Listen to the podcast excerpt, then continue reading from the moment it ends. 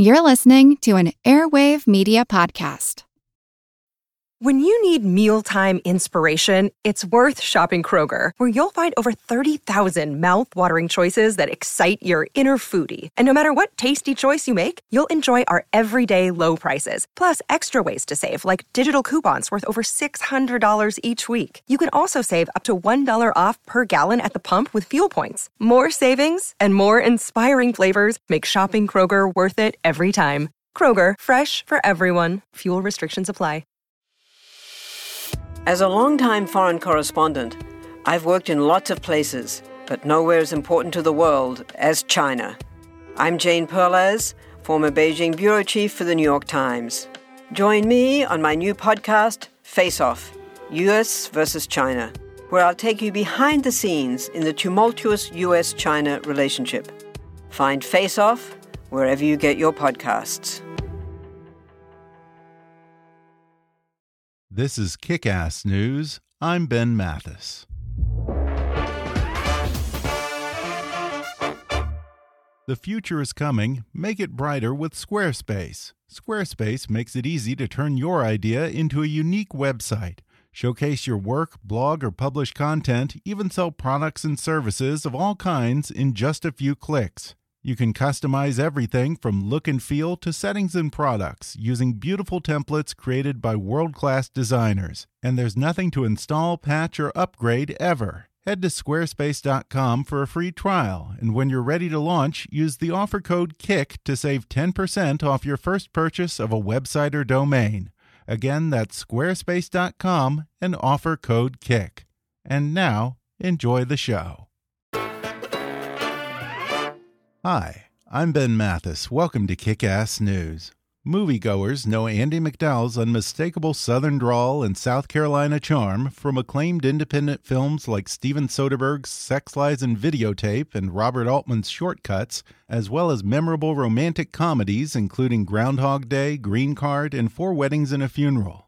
In her latest film, Love After Love, Andie MacDowell plays a widow coming to terms with the death of her husband and trying her best to keep her family sane as they each deal with grief in their own way. The film won the award for Best Feature Drama at the Tribeca Film Festival, and it's being called Andie MacDowell's best work in years. Today, Andie joins me on the podcast to talk about the movie, why good roles for actresses of a certain age are so few and far between, and why she thinks that's about to change as part of the larger Time's Up movement in Hollywood. She shares her very own hashtag MeToo experience as a young model starting out in New York City and how the entertainment industry has changed over her more than 35 year career. She discusses why she's chosen to live outside of Los Angeles and New York until recently, some of the advice she gives her two daughters as they begin their own acting careers, and how her mother's alcoholism forced a young Andie MacDowell to grow up quickly. She talks about the pressure of getting thrown in the deep end on her very first movie and the hard work she had to do to get from that film to her breakout role in Sex, Lies, and Videotape, and what she learned about grief and healing on her latest movie, Love After Love. Plus, she talks about the infamous Peach Tower in her hometown that looks like something else, why her girls' nights out often involved a Norwegian accent, and why Bill Murray doesn't sign autographs on Fridays. Coming up with the irrepressible Andie MacDowell in just a moment.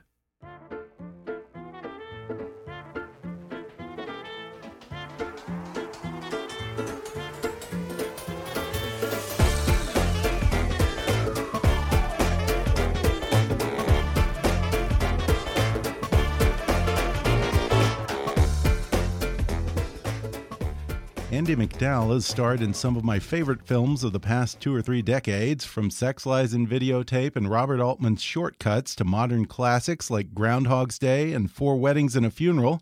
Now she stars as a woman coping with the death of her husband and trying to find her footing again in a new movie called Love After Love, which opens in theaters this Friday. Andie MacDowell, welcome to the podcast. Oh, thank you so much for having me.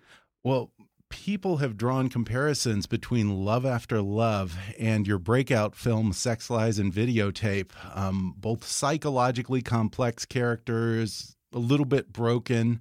Sex Lies was one of the films that kicked off the whole independent film movement in the early 90s. And now here you are returning to independent film after mostly doing Hollywood movies and television for the past 25 or so years. Does it feel a little bit like you've come full circle? I think it's just really hard to find these kinds of roles. I don't mm -hmm. think mm-hmm. that they are readily available. yeah.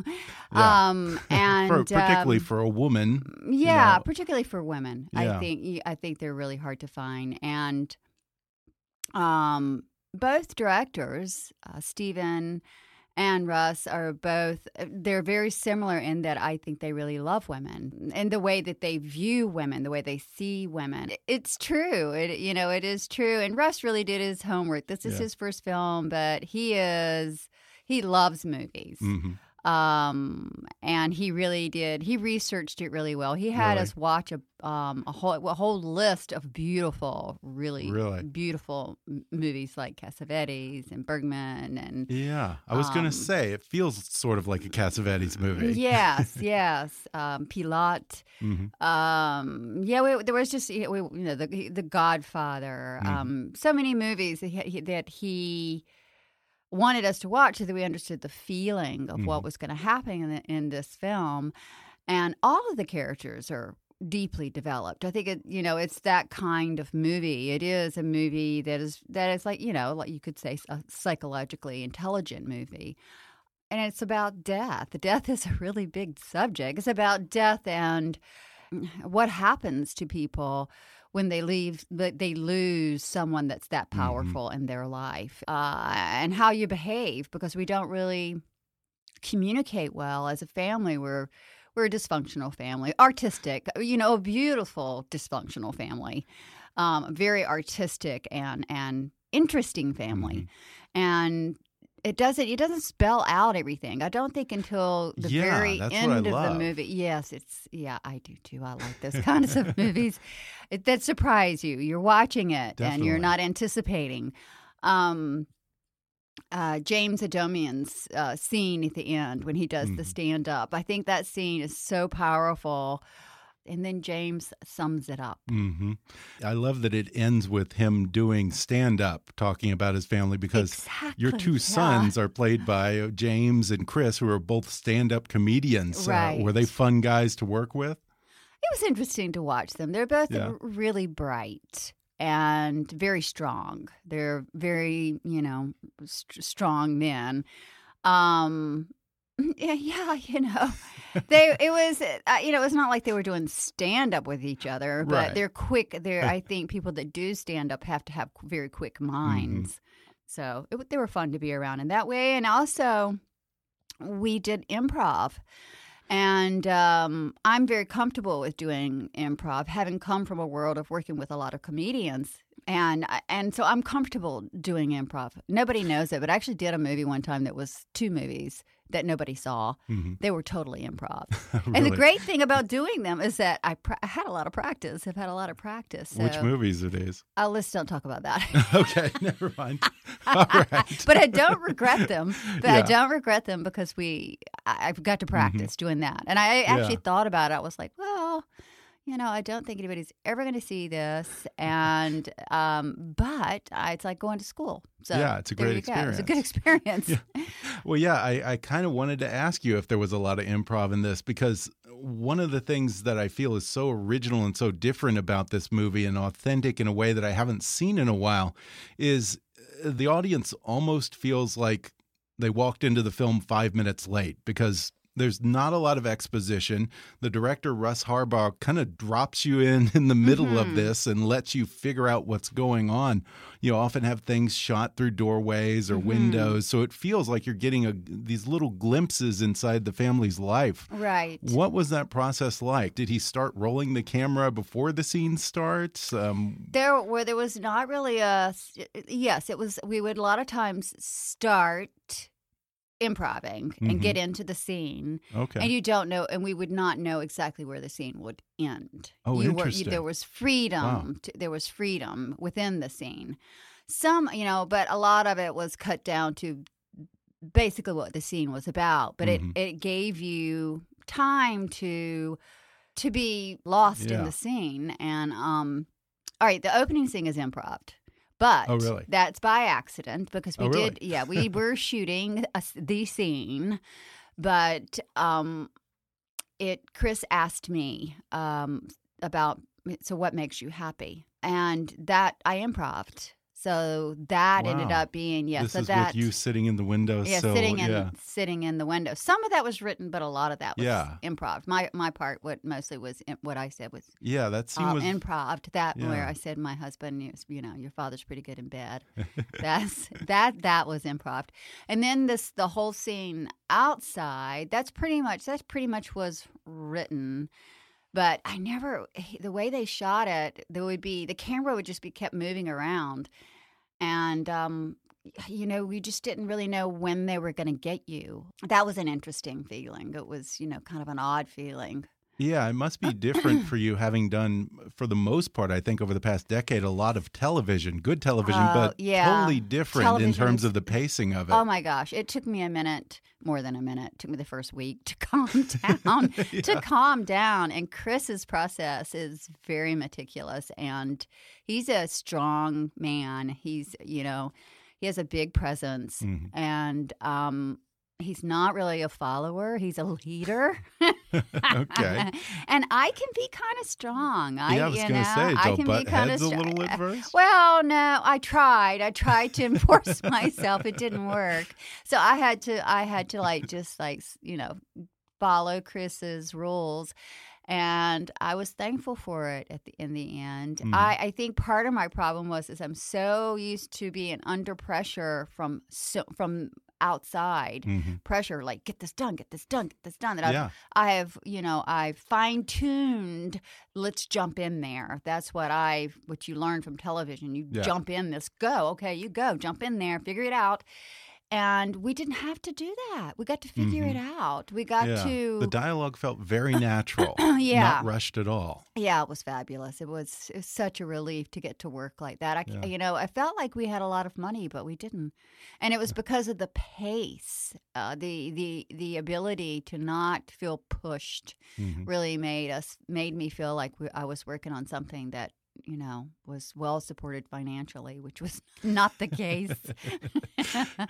Another thing that I love about this film is how it approaches healing and moving on, and particularly your character starting to date again after her Mhm. husband of so many years passes Mhm. away. Uh, That whole time, I kept thinking to myself, God, if this were a studio film, you would have had some kind of kooky best friend or a sister who has to give you some lecture about getting back in the saddle, and there'd probably be some kind of a montage of you Mm, trying on outfits because you're so out of practice. And oh, you're that so right, man. You- You're so right. It's true. Yes. And instead, you you know, uh, genuine. it's very Feels it- genuine. It's very. It is very genuine, and I think, um, I think for my character, it was a sense of loneliness. Mhm. Um, you could feel it, even you know, as soon as he's, he's gone, sitting down in the room. Um, that's sort of like now what that that feeling. And I think she slept with her coworker because she already knew him and you know she drank enough beer or whatever and laughed enough that she thought well why not and that was just wrong you know so then she had you know that was that terrible feeling when you wake up Yeah. the next day and and i love that line um i feel like i'm having an affair i mean i just Yeah. you know yeah. i mean obviously she's not she's not ready you know and Mhm. so uncomfortable Yeah. and leaving her coat on even you know it's just like this m- masterful mistake that you have made that she's Mhm. made and then she finally finds someone that that feels better and the next time you see her she's really making love and it's so different to me as to what what chris's character does which chris's Yeah. character may i say naughty words on here Sure. Yeah. By all means. Go for I'm it. so sorry, guys. I'm going to say a bad word, but it's the only, it's the most appropriate word. He just wants to fuck. Excuse Yeah. my language, but he does, and that's really what he does, and you can see it Yeah. in his actions. That's what he's doing. Yeah. You do not see him being tender. Right. Right. And, He's, he um, kind of loses himself. it's and he frantic. becomes There is, self-destructive. I think there must there was Mm-hmm. he had anger. Obviously, he had something else Yeah. inside of him. Where f- me, for my character, I had loneliness, just Mhm. loneliness and and confusion and just deep, deep sad. I mean, Yeah. not that he's not sad too, but I think anger and and sadness go hand in hand. Yeah. That's just not what I was feeling. I wasn't angry.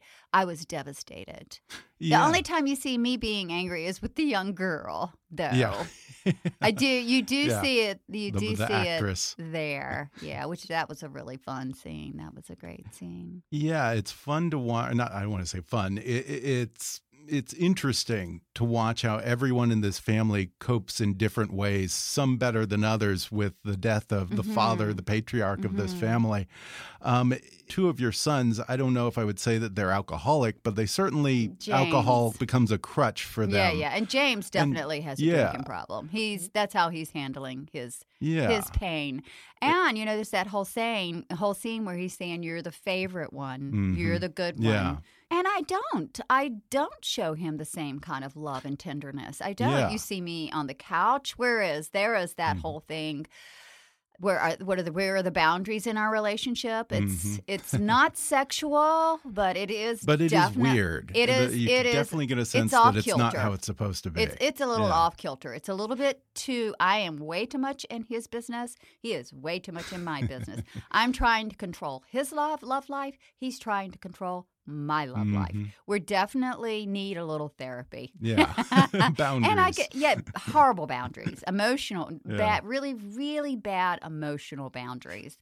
By the time we get to the last funeral, you see them as they should be. They Mhm. start to behave more functional. I Yeah. think they're finally getting grounded again. They are they are coming back together. By the time you see them in in the jacuzzi, you feel like these people are going to be okay. And that's Yeah. a really important scene that you see them okay because it's um it's the end of the journey and you know they're going to be all right.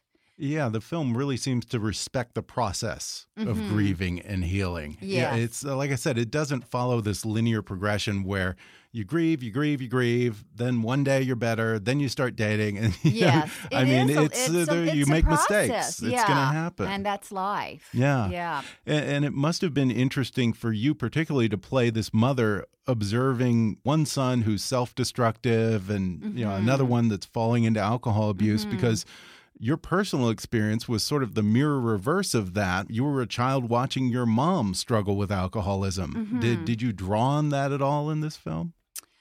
Um n- not necessarily. I think I draw on my whole life. hmm Um, I have had a psychologically very interesting life. I like the Um, way you put that. I have, and, and you know, and I've lived long enough too that Mhm. I've had a, a lot of really interesting things happen to me, and have had to deal with a lot of hard issues and crazy stuff. I mean, Yeah. stuff I would never talk to you or anybody else about. okay, But, not um, even right now. no. But, you know, I definitely do understand complex relationships. I grew up um, very much a codependent. I grew up Mhm. taking care of my mother, which is not natural or healthy. And, um, and she, you know, she was given shock treatments when I was a baby and diagnosed as schizophrenic. Now, Oh, I don't think she was schizophrenic because she never had another ap- episode, and that's unheard of.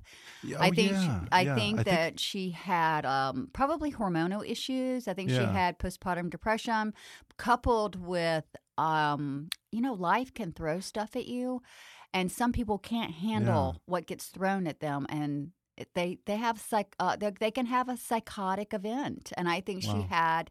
A psychotic event, and then she became an alcoholic. They gave her Yeah. shock treatments. Then she became an alcoholic. Yeah, didn't yes, she go I to the had a- same place where Zelda Fitzgerald was? Uh, yeah, you heard me talk I about did. that. Yeah, you read yeah, that. I really want to try to do some research. I would Yeah. love to to go and try to find those records if they exist. I know there was one place that burnt down, so I don't know Right, if I can find her records, but I would love I would love to do the research and see what she was saying, you know, Mhm. because she died when I was 23.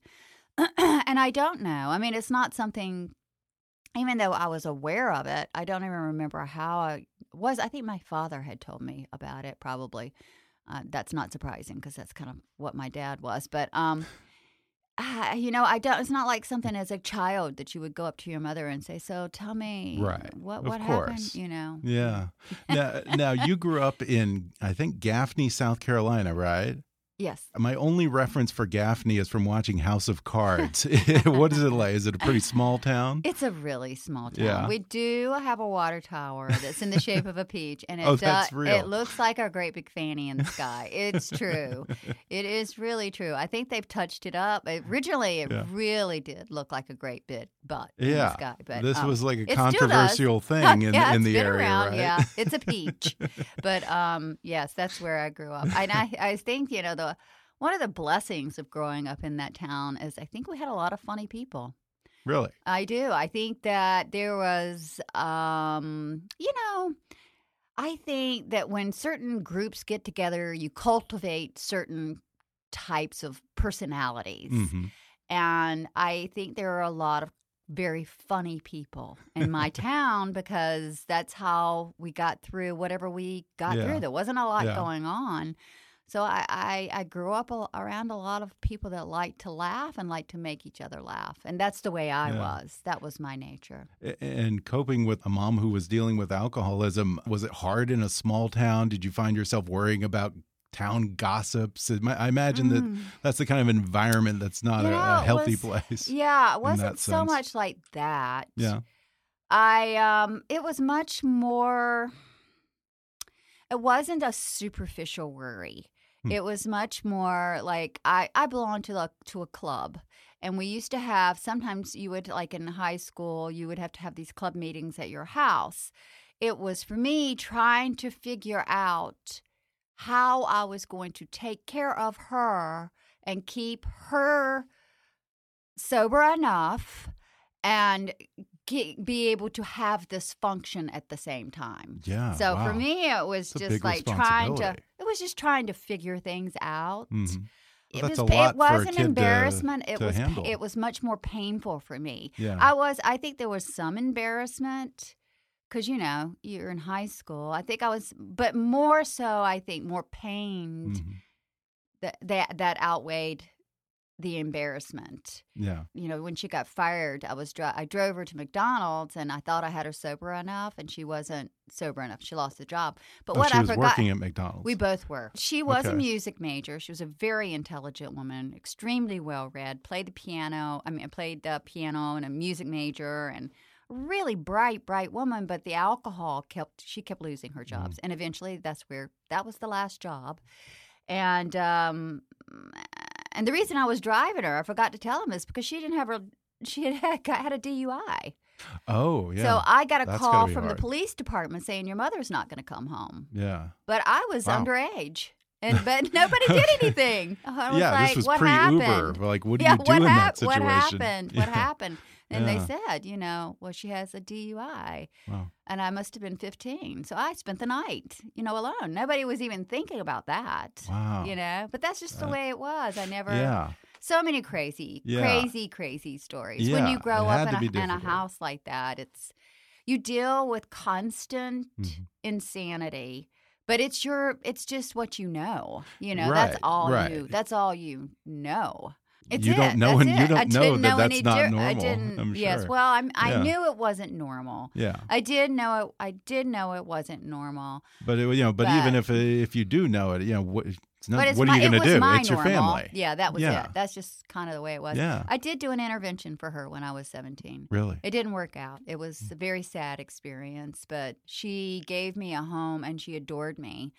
So I, I don't feel that, I, I don't think that I have terrible scars because we had a beautiful relationship. Mhm. I know that sounds crazy, but um, I loved her deeply. I really did. And we had our good times too. Yeah. You know, even yeah, a lot of times she might have been drunk during our good times, but they were still good times. yeah. I know that sounds crazy. No, I mean that's there the always way it was. to be. Yeah, there's good the and bad.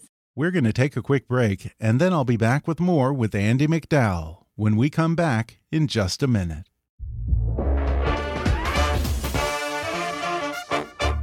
Microsoft is changing the game again. First, it was Office 365 with email and all your business apps available from the cloud, and our friends at AppRiver were among the very first people who understood how to sell it and how to help their partners sell it. Well, now Microsoft 365 is back, and AppRiver is ready to help you figure out if it's right for your business or your reseller practice. Microsoft 365 includes Windows as a service, enhanced security features, and the email and Office apps you get with Office 365. They realize this can get confusing, but don't worry. Just call AppRiver. They'll be glad to walk you through what's included. You won't get a hard sell. The last thing they want is to put you on a service you don't need. What you will get is good, solid information up front. Even better, you'll get free, phenomenal US based support with any AppRiver service for as long as you're a customer.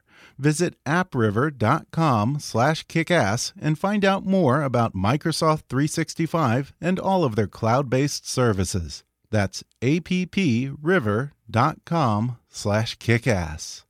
If you're an entrepreneur, a small business owner, or even if you have a side gig, let me introduce you to Grasshopper, the entrepreneur's phone system. Grasshopper lets you run your business from your cell phone while keeping your business and personal lives separate. Choose from their huge inventory of local, toll free, and vanity toll free numbers. Simply forward your new number to your mobile phone and start taking calls immediately. Whether you're in an office, in your car, or out shopping, Grasshopper's iPhone and Android apps help you stay connected to your customers. Not to mention, you can send and receive calls and texts from your business phone number, set up multiple extensions for everyone on your team, get your voicemails transcribed and emailed to you, work from anywhere with call forwarding, make and receive calls from your computer via the desktop app, and even utilize Wi Fi calling. Better yet, Grasshopper offers easy and instant setup and 24 7 customer support, all without any long term contracts. Grasshopper, sign up today. Go to grasshopper.com slash kick to get $20 off your first month. That's grasshopper.com slash kick.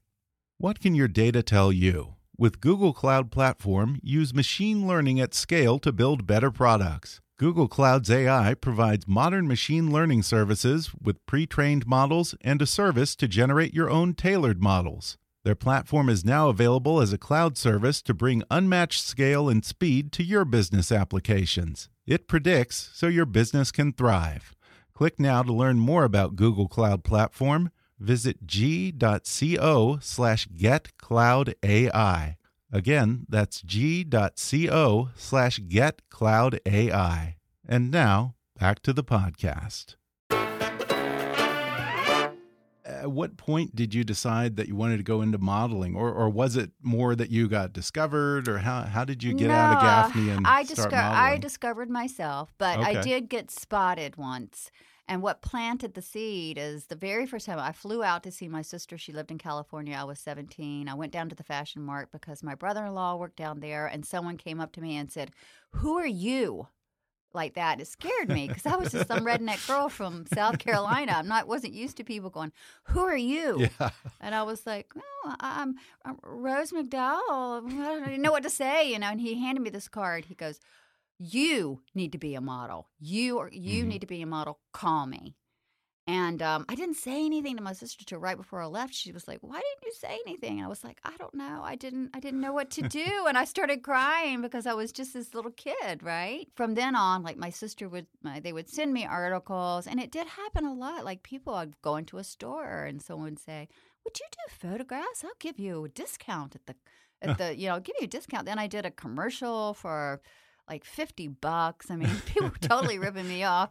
And um, I ended up going, I did never went to this one school. uh, And, but they said, if you come pay the school, the yearly fee, Mhm. you can come with us to New York. Hmm. So I paid them the yearly fee. I never went to one of their classes. Oh, yeah. And so that was I your went, ticket to New York. Yeah, I went to New York with this group of people Okay. and went, walked into Elite, and the lady said, "When can you move here?" And I said, two weeks." Just not know. I just made it up off the top. of two weeks. I'll see you in two weeks. And that's what I did. And, Wow. yeah, I moved there. I remember the iconic Calvin Klein commercials that you Mm-hmm. did in the 80s.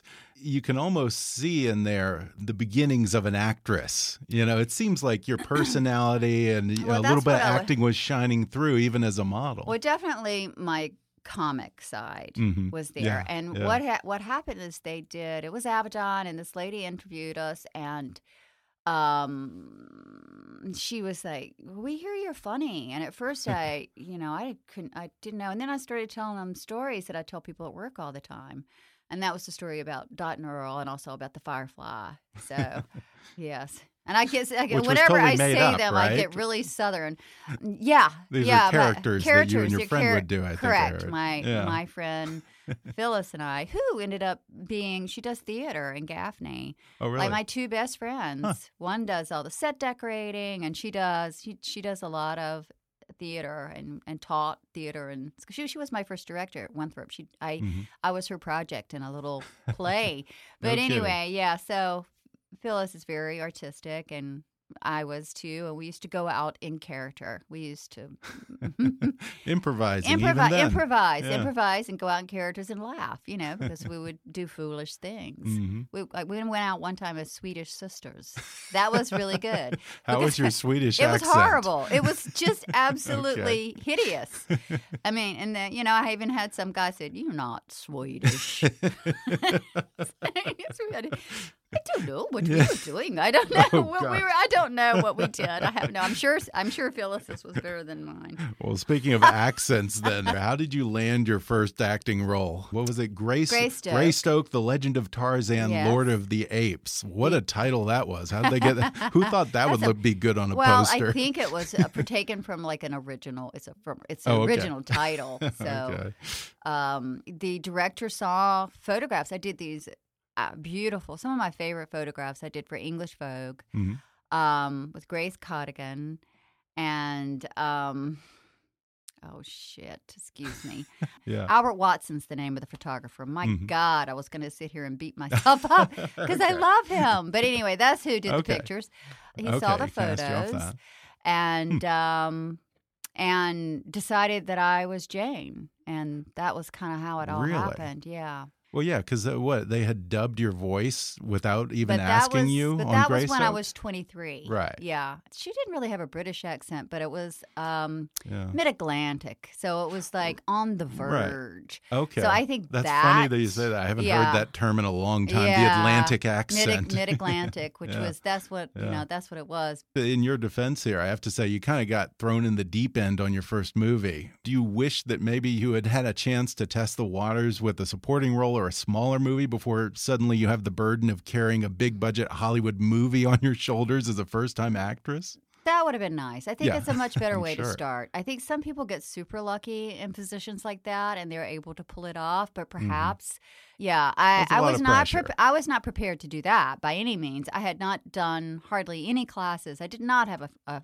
a, a- foundation. Mm-hmm. Um, I was ill equipped, Yeah. I would say. But I, you know, I made sure that I had a foundation afterwards. That was, you know, that was something I worked really hard on. And I loved going to class. I really enjoyed going to class and Mhm. it having that preparation uh, made all the difference in the world. So by the time I got to do Sex Lies and Videotape, I had been studying since Greystoke. And uh, Greystoke, I was 23. When I did Sex Lies, I was 30. Yeah. So I had spent a lot of time, and I did St. Elmo's Fire and a couple Mhm. other Right, jobs. right, I, yeah. you know, I did The Secret of the Sahara with Michael York and Ben Kingsley. Oh, wow. And, you know, Yeah, so I'd actually worked. I there. had worked with some good Yeah. people. Um, so by the time I got to Sex Lies, I was prepared. you know, I had Yeah. a true foundation and um, and this and a support system, an Mhm. emotional support system, and I felt good about myself. I was really ready. Well, also, your role in Sex Lies and Videotapes seemed like a more natural fit for you than playing Tarzan's Jane with a Britishy accent. First of all, she was Southern, so Yeah. that's that's piece cake, and um, and also the complexity and the in the intellect of her. I understood from growing up in the South; those kind Mm-hmm. of women were all around me. Um, so it was very familiar Yeah. to me. All the Yeah. nuances, all the nuances were available. Yeah. It was simple and it was easy Yeah. for me to Okay. step into that person. So that was a really great that was a great place to hmm start from. Yeah, and you kind of reinvented yourself there. Yeah, in some it was sense. fresh start. Yeah. Yeah, fresh start all Yeah. over, and then doors opened, and I, you know, I had an opportunity to play all kinds Mhm. characters, and and um, yeah, it was a- it was a relief because I Yeah. I was about to give up actually. Steven Soderbergh, this was his first film as well. Was he very confident as a director, or did he seem like he was kind of figuring it out as he went along? No, he was very confident, you know, because I just did Magic Mike with him. He's the same Oh, really? man, Yeah. but but faster. Yeah. Magic Mike, I mean, he's he's editing as Mm-hmm. he goes, and I don't know if he did the Wow. editing, but he does everything. You know, he does the camera. yeah. He does. Well, he's so prolific. He would have to be Ye- fast, I yeah, guess. Yeah. He's but unusual. I mean, not normal. You can't Mhm. compare him to anyone. Oh, yeah. On on on that level, he Yeah. is one of a kind. I've never experienced anybody Yeah. like that. There is no one else that I know that I've worked with or even heard about that does what he does. Um, but it was nice, I think, also on that job because he's younger than me, and I, you know, so I I think that gave me a a sense of well being as well. That Mhm. I wasn't, I didn't. Ha- he was not. A, he's not dominant or mean spirited. It's hard to work with someone, and I have had those. Oh, really? Uh, it does happen. yeah. I think it's much nicer to work with someone that makes you feel good about yourself, Mhm. and he does that. when Sex Lies and Videotape won the Palme d'Or at Cannes, it got picked up by Miramax, and I think it was one of its first hits. Did you ever have any unsavory encounters with Harvey Weinstein back then? No, you know, You're lucky. I I was totally oblivious. I never lived in Los Angeles until recently. Right. Yeah, that's true. And um, I, I my friends are were mostly like people in North Carolina where I lived, or in Mhm. Montana. That's where I lived, so I, that's who I associated with. okay. I didn't really that kept you grounded. associate with um, Harvey. I would see Harvey out, Yeah. And I always had a really funny rapport with him. When I Mm. would see him, I would always go up to him and go, "Hey, do you remember me? I made that little movie. I made your company. I made that little movie. You remember that movie, Yeah. Sex Lies and Videotape? Because he never hired me Yeah. again after that. But um, no, I, you know, I was sad Mhm. because I had a nice connotation connect. I had a really nice Yeah. connotation and connection with him, and I it broke my heart Yeah. because I I hated what he had Yeah. done, and I think there must be a lot of people that really hated that it had to ruin what they thought he was. Right. You know? Right. It's amazing how that bubbled under the surface for so Uh-huh. long. I was shocked. I mean, I Yeah, knew we I all knew are. he was kind of a big wig. I mean, kind of threw his weight Yeah, around, but Obnoxious. Yeah. But there are a lot of those guys Yeah. out there. Yeah, they're not all He's not the only one. yeah. But Yeah. to be that horrible, to Mhm. be Yeah. really, uh, uh, yeah, a violently horrible Yeah. person, I had no idea. Well, having worked as a model and an actress, you must have run into your share of creeps over the years. How did you deal with those types of situations? Only very early on Really? did I ever experience anything. I think I was too successful too fast. Ah, okay. And um, Yeah. I moved to Paris, and I was working with Helmut Newton and doing Saint Laurent, and Mhm. So they couldn't get a- away with that. I just know I may was making. I was too important. Yeah. Um, and I don't think that people, victims, usually are in that position. I don't Mhm. think that True, victims are true. powerful people. Yeah. And I, as a model, my success came on pretty fast and um, not you know not not the first three months. The first three months cuckoo things did happen to me Mm-hmm. and i was victimized but it was because i was weaker and i allowed things to happen. I think Mhm. that's what happens a lot of times. People will say well you know how could how could she do that? You have to understand that women have been so demeaned for so long Yeah. that we don't it is hard for really hard for us to have our own self-esteem Yeah. in situations like that we are we are easy prey and Yeah. men and those kind of men know it they know when when you're easy prey. Yeah, Because it's like saying, how could a- you get, how could you let yourself get mugged on the streets? Yeah, and it's like, but I didn't have a gun. He had a po- gun. It's a You know, it's position who has we the power. have learned. Yeah. We have learned in so- socially throughout life that men are more important, Hmm. that men are more powerful, that we are second class, that we are under them, that we need to listen to them, that we need to mind them. These are the messages that we have been given all of our life. And you find yourself vulnerable in a situation like that, you're almost catatonic. Yeah. You're you're almost so fearful and stunned that you are, are without the resources to care for yourself. Yeah. And then when you by the time I think you start to become a powerful person, people can't do that to you anymore. They Mhm. can't because you you you have more self-esteem. Yeah, there's a cost to doing that. for yeah, sure. there, there's there's a cost for Yeah. them, and also you Yeah. you finally feel power. Mhm. You do feel power. Yeah. You start to be on their level, and they they can no longer do that to you because you feel po- you feel power. Well, you have two young daughters who are actually doing quite well with their own acting careers now. What do you tell them as they start off their careers in this business? Oh, I think I've raised them really well. We talk Mhm. about everything. We have um you know, we have very open conversations and deep conversations. So I think that it's not so much just about the business, but it's been the process of how I've raised them on every level. Mhm. But um I have reminded them what happened on, to me in Greystoke because if I if some if that can happen, which is probably the worst one of the worst things that's ever happened to anyone in the business, if that can happen to me, and I Getting dubbed over. getting dubbed Yeah. over by Glenn Close when I was 23 on Greystoke, Yeah. in case nobody's clear, Yeah. that's what happened. I mean, when's the last time that happened? That's like something out of well, Singing there, in the Rain. I, there, I- there are some there are crazy. some cases that have happened Yeah. to other people, but I'm not going to say it because I don't want to throw Yeah, mu- mud throw other people. bus, I don't want to do that to people. But um, the the most interesting aspect of the whole thing it's not so much that it happened. Mhm. What is really astounding is my success.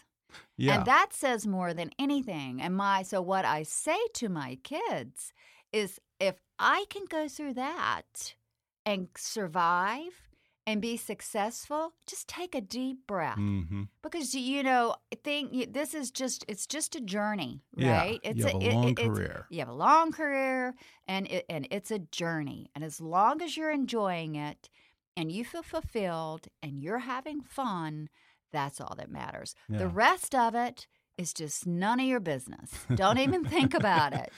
I've read that you said that when you turned 40, every interviewer asks you, How does it feel to know that your career is over? I, I almost wonder if what's going on right now with the Me Too and Time's Up movement and talk of the gender pay gap in Hollywood, if this might eventually trickle down to how we view actresses over 40 and the kind of roles that you're offered. It is the year that women are finally standing up for Mhm. themselves, and we're allowed to. We're not Yeah. seen as uh, overly emotional and making something out of nothing. Though I have heard people say those stupid comments, and Yeah. they had best shut up because we're the ones that still haven't had a woman president in the most progressive, Mm-hmm. supposedly most pr- progressive country, which is not progressive, you Yeah. guys. That's not progressive Yeah. and um and that's that has that is a reflection of what has happened in our society for women and how you know men are always put in with younger girls the older Mm-hmm. they get the younger the younger the women get we need to have the same reflection for women because what happens psychologically when you see that is you think that the older man is really handsome that's what happens to us that's what goes on in our brain as we start to glorify the man Mm-hmm. because they are seen in this way. If you did the same Yeah. thing to women, you would start to glorify us. You would start to see us as getting older and being sexy and Yeah. being powerful and being strong and being interesting. And and and we need you know that needs to happen. It's going to take some time. I think I'm too old. I think I've missed the boat. I might be able to dip a toe into it if I create it, if I go out and make it happen. Because if you do it, uh, now they want to make a big deal out of it. Like that's you know, like Right. oh wow, look what happened. Oh look at that. Like she's Yeah. you know a, a, But- a Martian or something. But you think just putting older women in those same, in- uh, treating them the same to- way you would treat an correct. older We need man, to do the you think that alone thing. would uh, gradually kind of change our think gradually it will change your perception. I Wow. know 100% it will change your Mhm. perception. And it's also like men feel they're entitled. They're entitled to get old, but yet women, they say, are not. Hmm. Women are not entitled, do not have that same opportunity. They're going to dismiss us and sh- you know just put us aside and and why they while they're still glorified Yeah. I think the only time it ever gets really difficult for a man is when he gets really old. Then I Mhm. think the He starts forgetting his lines. well, well, maybe that, but I think the casting, the casting just gets Yeah. that. Then it, you know, like for anybody, but their their forties and their 50s are Mhm. highlights. Yeah. They're fantastic Right. time for men. They're really interesting. So are women. Yeah. So are women. Now, this year was also, I think, the 25th anniversary of Groundhog's Day. I had Bill Murray on the podcast a while back, and he has become something of a legend at this point for just doing crazy oddball things, showing up at weddings and stuff like that. Uh, did he have that side to him back when you worked with him on Groundhog's Day? Was he catching people off guard and doing weird, oh, yeah. unexpected oh, things? definitely. Really? Yes, to me too. Oh, yeah. But um, yeah, I'll tell you one th- one thing he did. I don't remember what scene we were doing, but it's some scene in the car, and he drove away. He just drove away just away. kept going. He just drove away, and we went for a little ride. And I was just like looking. I'm like, "What are we doing, Bill?" He said, "We're going for a ride," and we rode around really? for about ten minutes. And you know their radio, yeah. Well, I'm sure he knew Bill quite well. Okay, so he knew what he was getting into. Yeah, he knew Bill. they went way back. Mhm. Um, Caddyshack. You Yeah. know, I mean, he'd known he'd known multitude of things. Ghostbusters. Anyway, um, that and um. What other crazy things did he do? Oh, uh, he you know he's super popular, so a lot of his fans would show up, and they would have to tape it off, you know. Uh huh. But he on Fridays he wouldn't sign autographs. On So it only on Fridays. Only on Fridays. So all these people was would he, show is he up. Jewish? Is he observing the it Sabbath was or just something? no, it was just like showing up at a wedding. I don't know. It was oh, just that's his hilarious. thing. And they would laugh and take it because it's Bill. But he Yeah. would say, I'm sorry, folks, I don't sign autographs on Fridays. uh, doesn't he live in Charleston, South Carolina he now? does. I, Uh, I, see yeah, I'm down there? fascinated by that. Yeah. I, you know, I've been down there a couple of times and kind of wished I would run into him, but that, that hasn't happened. we were just talking a little bit ago about how you've only moved to LA Mm-hmm. uh, fairly recently. I guess you kept your kids far from Los Angeles and a ranch in I'm- and the- Montana, The, funny thing North is, is Carolina. they, they moved. right? They got me to move here. That's oh, is that what did it? yeah, that's, what I was funny. wondering. Yeah. Yeah, I wanted to give them whatever a normal life is, Yeah. which is now in hindsight, I could have given them a normal, probably a more normal life here because we Oh, we would have fit in a lot better. I don't think. I think it was always kind of hard to fit in. In the other places because I was the most, I was the least normal person Right. for in in their eyes and other people's eyes. They so it was really hard to get people to like Yeah. see me as normal. So I think in a lot of ways it might have been easier, easier in hindsight to live here, but. I don't regret it. I Mhm. feel like um, there were probably a lot of good bonuses as well. Yeah. And in North Carolina, they were around a lot of my family and um, really good education. And, and I must say, it did help me not focus on my job. Mm-hmm. When I'm out here, I- it's always, it's everything is about the business Yeah. here. That is the one dilemma. Oh, yeah. There's nothing but the business. Yeah. When you're out here, it's it's kind of hard to escape, and you and most people want to know what you're doing right now. And I liked living in Montana and North Carolina because what I was doing was just raising my kids. It was Mhm. never about Not that pressure. no pressure, Hmm. and nobody was when someone was asked. You know, they didn't. It wasn't like, "What's your next movie?" No one ever. Yeah. That was never the conversation. so that was a nice relief. Well, in that case, before we go, I won't ask you what you're working on now or but what your I'm next happy project to is. tell you, but I'm happy Well, to tell you. let me that's ask what you we're this. doing here, right? Okay. Oh, well, yeah, yeah. We're certainly we're plugging the movie that you just Mhm. finished. But what would you like to be up next for you? Are there still things that you would like to do as an actress or So roles many that things, so many- Do you have a dream um, role? Do you have a bucket list as far as the things I- you want to do as an I- actress? Yes, I really ha- I've been thinking about this for years. I would love to play. I would love to be involved in helping to develop um, something for television, Mhm. like a not the character that I just played, but something that rich. Yeah. and, TV is a um, good or place to do something that, that was already something that was and- something that was already yeah. developed or something like that. I would love yeah. to be in an ensemble piece Mhm.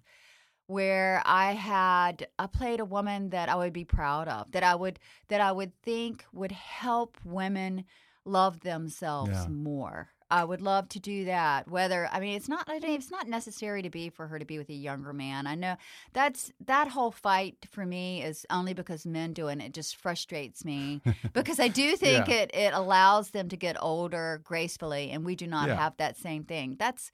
But I would like for her to be beautiful. I Mm-hmm. would like to pl- play a mature woman, an ensemble piece, where I'm still seen as sexy and as powerful and as interesting Mhm. as a man my age would be seen.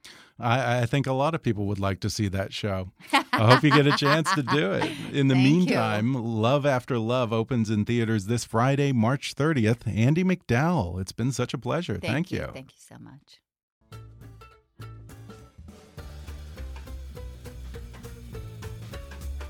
Thanks again to the charming Andie MacDowell for coming on the podcast.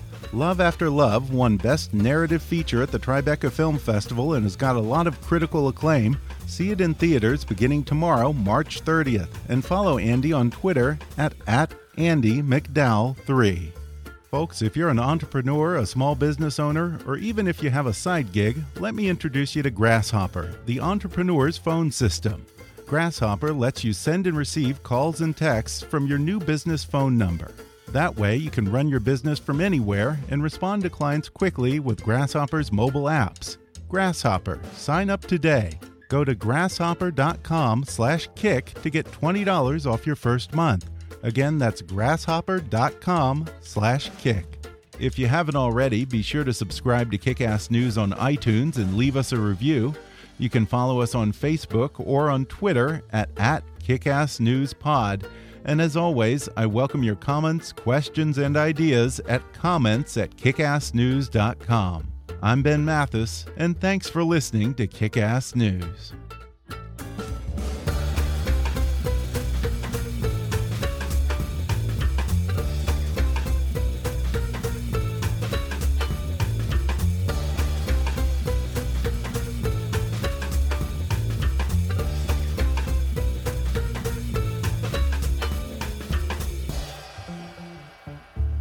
Kickass News is a trademark of Mathis Entertainment, Inc.